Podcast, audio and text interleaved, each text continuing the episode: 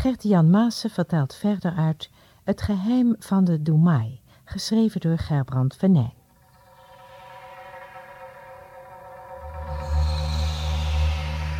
Na een vreselijke oorlog heeft een kleine overgebleven groep mensen een maatschappij gesticht.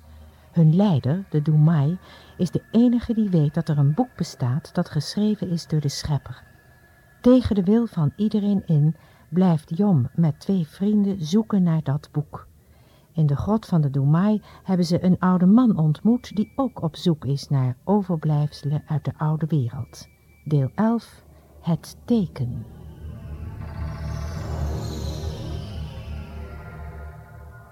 Kun jij nog een beetje slapen? fluisterde Wan in Joms oor. Net zo goed als jij, antwoordde Jom met een zucht. Er is hier maar één die lekker slaapt, liet nu kleine Jiba zich horen. Die kluisnaar ligt te snurken alsof hij een heel bos aan het is. Zal dit nu het eind van onze speurtocht zijn? vroeg Jom zich ontmoedigd af. Ja, mompelde Wan, lijkt er wel op. Als die man gelijk heeft, valt alles wat we gehoopt hadden in puin. Maar, maar zal hij wel gelijk hebben, aarzelde Jong. Als hij werkelijk de Doemai is, heeft hij vast gelijk, meende Wan. Toch twijfel ik er nog aan of hij wel de Doemai is, zei kleine Jiba. Ik weet zeker dat hij het niet is, kaatste Jong. Waarom niet? vroegen zijn vrienden. Om twee redenen. In de eerste plaats heeft de echte Doemai zich nooit aan iemand vertoond zonder dat gouden masker.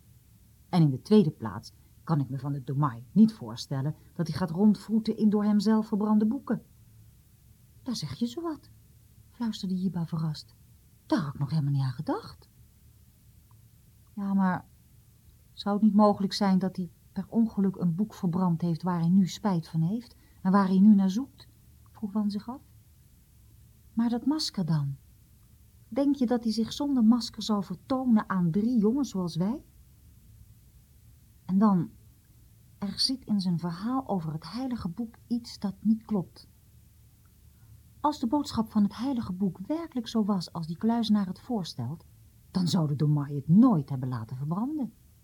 Hij zou het dan juist aan iedereen hebben laten lezen. Even was het stil.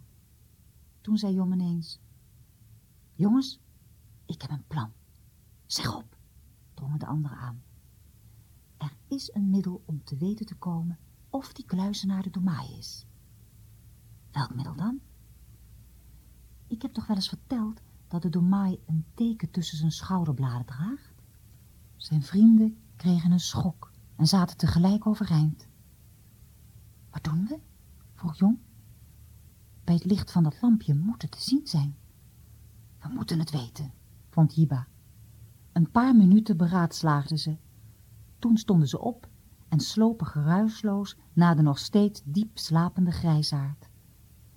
Met ingehouden adem trokken ze de deken van schapenvachten weg. Gelukkig, de grijsaard sliep luid snurkend door. Toen het ze gelukt was de deken naar het voeteneind te trekken, was het dikke kleed waar de man in sliep aan de beurt. Zou het mogelijk zijn het kleed zo ver te openen dat de bovenrug van de kluizenaar zichtbaar zou worden? Terwijl Wan bijlichtte, trok Jom en Jiba het kleed zo ver terug dat het lamplicht over de schouderbladen van de grijsaard viel. Een ogenblik was de spanning haast te snijden. Toen hadden de vrienden genoeg gezien. Het wonderlijke teken ontbrak. Wie de oude man dan ook zijn mocht, de Domai was hij niet. Ze hingen de lamp op zijn plaats en kropen weer onder de huiden. Ik ga morgen meteen weer in de ashoop zoeken, fluisterde Wan vol nieuwe moed. Nu verlang ik nog veel meer dan vroeger naar het heilige boek.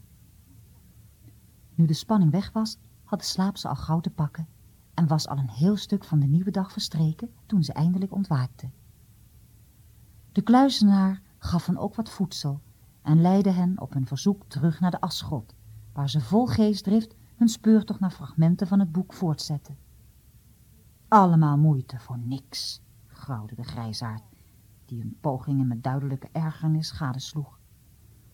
Ik zoek hier al jaren, en wat ik gevonden heb, is tot nu toe van nul en geen waarde geweest. Hij schopte woedend in de verkoolde bladen en voeterde. De Demai heeft zijn werk grondig gedaan. En gisteren zei u dat u in uw woongrot al heel wat verzameld had, merkte Jong op. Daar bedoel ik iets heel anders mee, zei de man ontwijkend. Maar ik zie nu wel dat jullie de moed niet hebt opgegeven.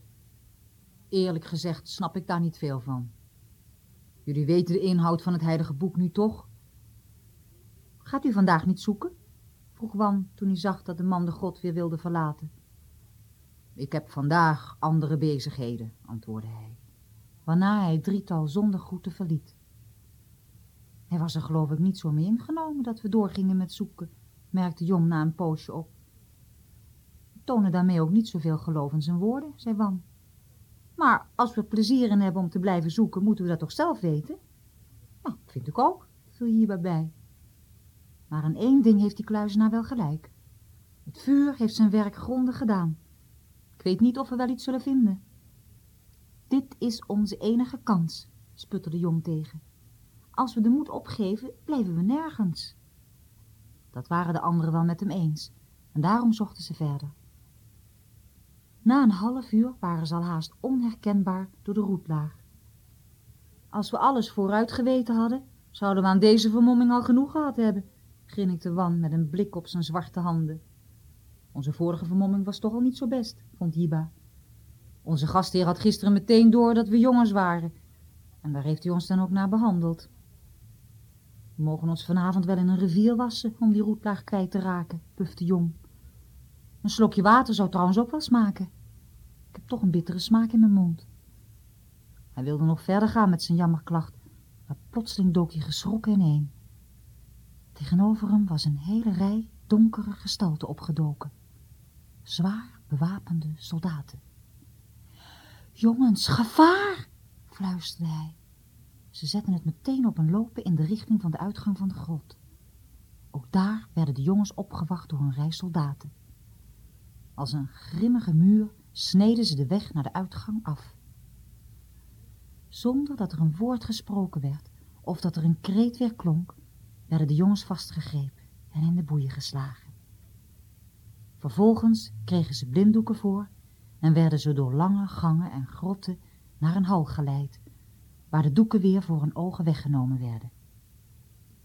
Ze hadden zo'n stuk gelopen dat ze wel diep in het rotsmassief moesten zijn. Veel verder dan waar de kluizenaar zijn woning had. De ruime hal, die verlicht werd door flambouwen, eindigde aan een stenen trap. Deze leidde naar een houten poortje. Toen de jongens een paar minuten hadden uitgerust op een in de rotswand uitgehouwen stenen bank, beduidden de soldaten hen dat ze de trap moesten bestijgen. Voor het deurtje moesten ze opnieuw wachten. Met kloppend hart wachtte het drietal op hetgeen gebeuren zou. Daar draaide het poortje open en twee officieren wenkten hen de ruimte achter het poortje in te gaan. Het was een eenvoudig en niet al te groot vertrek. Door kleurige wand- en vloerkleden zag het er lang niet zo somber uit als de andere ruimte van de grot. Een groot aantal lampen zorgde voor een overvloed van licht. Voor de omgeving hadden de jongens nu geen oog. Ze zagen maar één ding, of liever gezegd maar één persoon. De reusachtige gestalte tegenover hen, met het gouden masker voor het gelaat en het wijde, met gouddraad doorweven, groene kleed om de schouders. De Domai, in eigen persoon. Kom naderbij, gebood een metalen stem.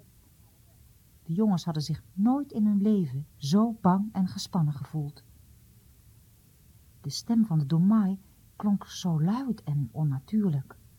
Zo sprak een mens niet. Met een gebiedend gebaar beduidde de Domai de in het vertrek aanwezige soldaten dat ze zich verwijderen moesten. Even later waren de jongens met de Domai alleen. Eindelijk, klonk de metalen stem van de raadselachtige man. Eindelijk heb ik daar de opstandige drie. De jonge mannen waar ik mij al zo lang over heb zitten te verbijten. Van de Domai wordt veel barmhartigheid en geduld gevergd. Maar er komt eenmaal een einde aan. Tot vandaag hebben we met zachte middelen getracht deze eigenwijze jongens tot andere gedachten te brengen. Maar ze hebben zich uitermate hardleers getoond, elke goede raad in de wind geslagen. Niets hebben ze willen leren van mensen die ouder en wijzer zijn dan zij. Nu zullen ze weten wat ze met hun eigenzinnig gedrag bereikt hebben. Zij en al de andere mensen van ons eiland die geen genoegen willen nemen met het bestuur van hun opperste leider, zullen tot één en dezelfde straf veroordeeld worden. Sneller dan jullie lief is, zal deze voltrokken worden. De jongen slikte zenuwachtig en knipperde met hun ogen. Wat zou er gebeuren? Nu zie ik schrik en spijt op jullie gezichten, vervolgde de Domai. Maar wat jullie ook zeggen, of wat jullie ook beloven, er is nu geen weg meer terug. Nog steeds konden de jongens geen woord uitbrengen. Ze voelden dat de man tegenover hen ziede van toren. Niets ter wereld zou hem op andere gedachten kunnen brengen. Nu jullie toch niet meer tot de bewoonde wereld terug zullen keren, is het misschien wel goed dat jullie weet wie zich achter dit masker verschuilt, hervatte de Domai. Ten slotte moeten jullie toch het bewijs hebben dat ik het uiterste heb gedaan om jullie tot andere gedachten te brengen. Hij nam met een ruk het gouden masker weg. En daar stond de geheimzinnige kluisenaar. De jongens grepen elkaar vast en staarden verbijsterd in de hardblauwe ogen van de oude man. Ze hadden nog nooit zoveel haat en verachting in mensenogen gezien. Het is tergend te zien hoe roekeloos goede raad in de wind geslagen wordt. Ik heb duidelijk laten blijken dat het heilige boek geen enkele hoop voor de mensen bevatte. Maar de jonge heren believen hun eigen gedachten en mening hoger aan te slaan dan de woorden van een zeer oude en wijze man. De volgende dag staan ze zowaar alweer rond te roeren in de zwarte herinneringen aan dat vergeten verleden. Is het vreemd dat de Domaai dan zijn laatste en minst plezierige middel te baat neemt? Een straf die nooit meer ongedaan te maken is. Maar, maar we wisten toch niet dat u de Domaai was? waagde Jong eindelijk tegen te werpen. Als jullie het geweten hadden, zouden jullie niet anders gehandeld hebben. Jullie verachten jullie hoogste leider. De jongen zweeg. Juist, dat is beter. Zeg maar niets, zei de Domaai sarcastisch. Ik heb er de bewijzen van dat jullie onverbeterlijk zijn en dat geen mens van jullie woorden en beloften op aan kan. Hij trok met een snel handgebaar zijn grijze baard en zijn pruik af. En toen... Jong en kleine Jiba deden geschrokken een stap achterwaarts. Voor hen stond... Ga hier. Raïr, de edelman, die in het prachtige paleis aan de voet van de bergen woonde. Zo, weten jullie nu wie de Domaai is? vroeg Rahir met een grijns. Het scheen dat de man zich vermaakte over hun schrik. Ja, jullie mogen dit geheim nu wel weten. Want nooit, zolang jullie leven, zullen jullie je huis of je dorp nog terugzien. Voorlopig krijgen jullie onderdak in deze grotten. Daarna heb ik nog een heel plezierige verrassing voor jullie in petto. Jullie mogen van geluk spreken dat jullie zulke goede ouders hebt. Anders zou jullie gedrag aanleiding hebben kunnen geven voor de doodstraf. Maar de straf waar jullie toe veroordeeld zult worden, komt wel ongeveer op hetzelfde neer. Ik zal er niet op vooruit lopen. Er moet tenslotte iets te raden overblijven. Terwijl jullie in de kerker zitten, moeten jullie maar eens goed over jullie rebelsgedrag nadenken.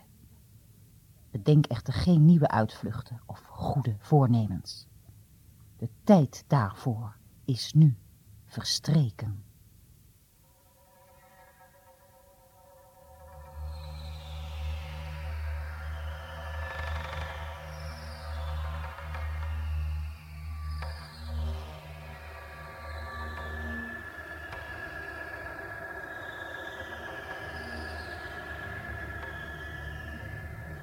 Gert-Jan Maassen vertelde uit Het geheim van de Doemai van Gerbrand Venijn.